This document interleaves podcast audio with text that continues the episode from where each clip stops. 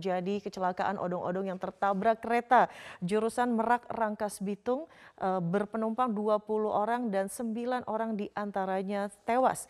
Kejadian ini bermula di pukul 11.15 waktu Indonesia Barat, pemirsa, ketika ada dua unit odong-odong yang melintas di perlintasan rel kereta api jurusan Merak Rangkas Bitung, di mana 9 orang tertabrak dan terpental lalu dinyatakan tewas. Tiga di antara sembilan orang tersebut adalah anak-anak dan seluruh jenazah korban wafat kecelakaan odong-odong ini dirujuk di RSUD Banten, sementara korban luka-luka sisanya dievakuasi di Rumah Sakit Hermina Banten. Tiga orang di antara jenazah tersebut adalah anak-anak, sementara sisanya enam orang dewasa. Dan sementara itu sopir dari odong-odong ini dinyatakan selamat dan berada di Polsek Keranggilan, Banten. Seperti sudah diinformasikan sebelumnya, di kawasan Keranggilan ini memang tidak ada palang pintu kereta api, pemirsa, dan kendaraan odong-odong ini juga kerap kali digunakan oleh warga sebagai moda transportasi sehari-hari untuk mobilitas mereka. Kapolres Serang Yuda mengatakan bahwa sampai saat ini pihak kepolisian sedang dalam proses identifikasi sembilan orang jenazah yang sekali lagi kami informasikan berada di RSUD Banten. Sementara itu, pihak kontributor Metro TV juga mengatakan bahwa kecelakaan di rel kereta api ini kerap kali terjadi dalam satu tahun. Terakhir di tahun 2020 tercatat ada tiga kali kecelakaan karena memang perlintasan rel kereta api ini tidak ada palang pintu. Sementara warga sudah berkali-kali meminta kepada pihak terkait untuk memasang palang pintu karena situasi dan juga posisi rel kereta api sangat dekat dengan pemukiman warga, namun masih belum ada realisasi terkait pemasangan pintu kereta tersebut. Penyidik Baris Krim Polri menetapkan empat petinggi aksi cepat tanggap ACT sebagai tersangka penyelewengan dana donasi dan CSR korban jatuhnya pesawat Lion Air. Mereka juga dijerat pasal pencucian uang hingga terancam pidana 20 tahun. Gelar perkara penyidikan dugaan penyelewengan dana CSR korban kecelakaan Lion Air JT610 yang dilakukan ACT berlangsung kemarin sore. Mantan Ketua Yayasan, Ketua Yayasan, Dewan Pengawas hingga anggota Dewan Pembina Aksi Cepat Tanggap ditetapkan sebagai tersangka penyelewengan dana. Boeing saat itu menunjuk ACT sebagai pengelola dana sosial kepada para ahli waris, masing-masing sebesar 2,06 miliar rupiah dan bantuan non-tunai dalam bentuk CSR. Polisi mengungkap para tersangka menggunakan berbagai dana donasi yang terkumpul termasuk Boeing tidak sesuai peruntukan. Di antaranya pengadaan truk dan bus serta pembangunan pesantren di Tasikmalaya. ACT diduga menyelewengkan dana 34 miliar rupiah dari total 103 miliar rupiah yang diterima dari Boeing. Total dana yang diterima oleh ACT dari Boeing kurang lebih sekitar 138 miliar kemudian digunakan untuk program yang telah dibuat oleh ACT kurang lebih 103 miliar dan sisanya 34 miliar digunakan tidak sesuai dengan peruntukannya. Salah satu pelanggarannya yakni menggunakan dana itu untuk gaji pengurus ACT sebesar 50 juta hingga 450 juta rupiah bahwa hasil usaha dari badan hukum yang didirikan oleh yayasan seharusnya juga digunakan untuk tujuan berdirinya yayasan. Akan tetapi dalam hal ini A menggunakannya untuk kepentingan pribadi yang digunakan untuk membayar gaji sedangkan sesuai ketentuan pengurus, pembina dan pengawas tidak boleh menerima gaji tidak boleh menerima upah maupun honorarium.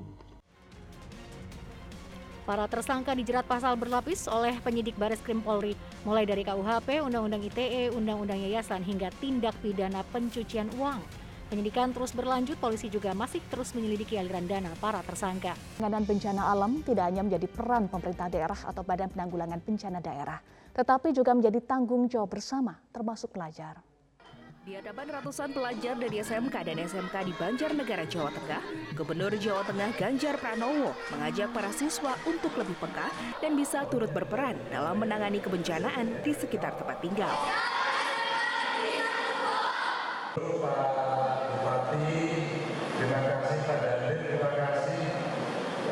Hal ini disampaikan Gubernur dalam kegiatan pendidikan kebencanaan kepada pelajar di SMK Negeri 1 Bawang, Banjarnegara, Jawa Tengah. Seperti melakukan pencegahan dengan penanaman pohon kembali atau reboisasi pada lingkungan yang gundul. Serta ikut dalam mensosialisasikan potensi bencana yang bisa terjadi di lingkungan guna mencegah terjadinya korban jiwa akibat bencana. Selain itu, pembelajaran kebencanaan juga dilakukan kepada anak-anak SMK berkebutuhan khusus. Siswa pun antusias dan mengaku menjadi lebih semangat untuk ikut berpartisipasi dalam pencegahan bencana alam. Menjelaskan tentang bencana yang sering terjadi di Banjarnegara. Terus tadi juga diberikan edukasi agar pelajar dapat berkontribusi dalam uh, apabila terjadi bencana alam di daerah sekitar. Apabila ada bencana, kita bisa melakukan penggalangan dana di sekolah seperti itu. Bisa bekerja sama dengan Bapak Ibu guru dan bisa melakukan pelatihan-pelatihan tanggap bencana seperti itu. Artinya apa mitigasi bencana ke sekolah-sekolah itu penting gitu? Ya sangat penting Pak. Bagi pelajar-pelajar. Karena terutama di daerah itu banyak pelajar ya Pak. Jadi bisa uh, kayak uh, kayak bilang ke orang tua orang tua agar bencana itu bisa kita tangani sendiri terlebih dahulu. Yang saya tangkap itu bagaimana sih peran pelajar? Ya tak apa ya dalam menghadapi bencana. Baik itu sebelum bencana, sesudah bencana ataupun uh, perawatan itu apa setelah bencana itu terjadi seperti itu. Di Banjarnegara itu seperti tanah longsor, kekeringan, gas beracun sama itu. Sementara itu, Gubernur memberikan kenang-kenangan kepada sejumlah siswa yang berani ikut menjawab pertanyaan Ganjar Pranowo. Mereka mendapatkan hadiah berupa telepon genggam. Dan kenapa kita ambil di Banjarnegara? Karena kabupaten itu salah satu kabupaten yang cukup rawan, ya, apalagi tanah longsor. Kalau kita ingin mengajak pelajar agar mereka peduli, mereka aware, mereka bisa melakukan sesuatu, dan kemudian mereka bisa menjadi agen nanti untuk berkampanye, kata mereka tadi. Kita kampanye, Pak. Kita jelaskan sama mereka. Tapi mereka sendiri juga meminta itu.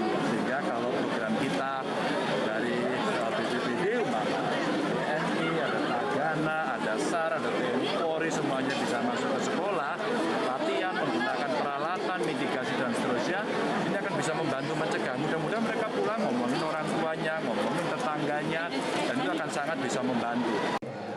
Dengan adanya pembelajaran terkait dengan pencegahan bencana alam ini, diharapkan siswa dapat bisa menjadi agen-agen tangguh bencana yang dapat melakukan sosialisasi pencegahan bencana di lingkungan tempat tinggal. 70 persen wilayah Kabupaten Banjarnegara sendiri rawan terjadi bencana tanah longsor yang setiap saat mengancam warganya. Terutama yang berada di zona rawan tanah longsor di pegunungan. Pemerintah memperpanjang masa berlaku pemberian insentif pajak hingga akhir tahun 2022. Perpanjangan insentif pajak ini dilakukan untuk mendorong pemulihan ekonomi nasional.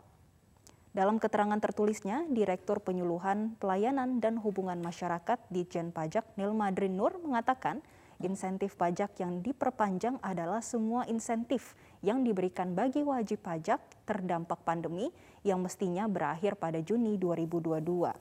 Antara lain, insentif kesehatan yang terdapat dalam aturan maksud kami peraturan Menteri Keuangan nomor 226 tahun 2021 yakni insentif PPN ditanggung pemerintah, DTP atas penyerahan barang yang diperlukan dalam rangka penanganan pandemi COVID-19. Selain itu, pembebasan dari pemungutan PPH pasal 22 impor, pembebasan dari pemungutan, pemungutan PPH pasal 22 dan fasilitas PPH bagi sumber daya manusia di bidang kesehatan.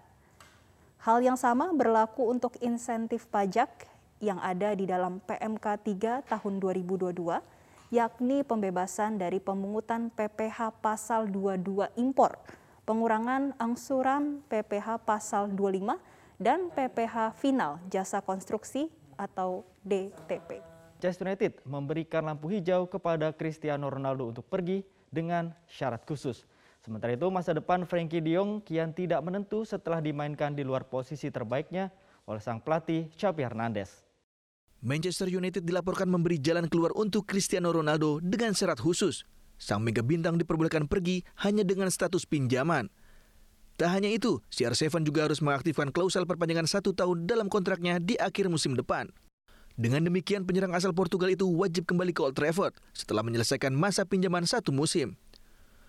Diharapkan pada akhir musim 2022-2023, The Red Devils bisa kembali ke Liga Champions seperti yang diinginkan pemain 37 tahun itu. Bintang Barcelona Frankie de Jong juga menjadi sorotan pada bursa transfer kali ini. MU diklaim belum menyerah mendapatkan tanda tangan gelandang asal Belanda itu. De Jong yang tampil dari bangku cadangan saat menghadapi Real Madrid di Liga Pramusim bermain dengan posisi digeser ke belakang. Pelatih Safi pun menampik tudingan mempermainkan masa depan sang pemain dengan menurunkannya sebagai bek tengah. No, yo no mando ningún mensaje. Yo creo que se puede adaptar. El mensaje es personal y, y he charlado con él. Él sabe lo que le valoro, le valoro muchísimo como futbolista. Él lo sabe. Hemos tenido conversaciones eh, privadas muy importantes que no las voy a desvelar aquí. Para mí es un futbolista fundamental para el juego del, del equipo. De Jong sendiri dilaporkan enggan meninggalkan Barca. Pemain 25 tahun itu disebut sudah melakukan bertemu Safi dan bersedia mendapat pemotongan gaji 165 miliar rupiah dari yang diterimanya 330 miliar rupiah per tahun. Meski masih menilainya sebagai pemain kunci, namun Safi tetap khawatir Barca tidak bisa mempertahankan De karena situasi ekonomi dan aturan finansial fair play.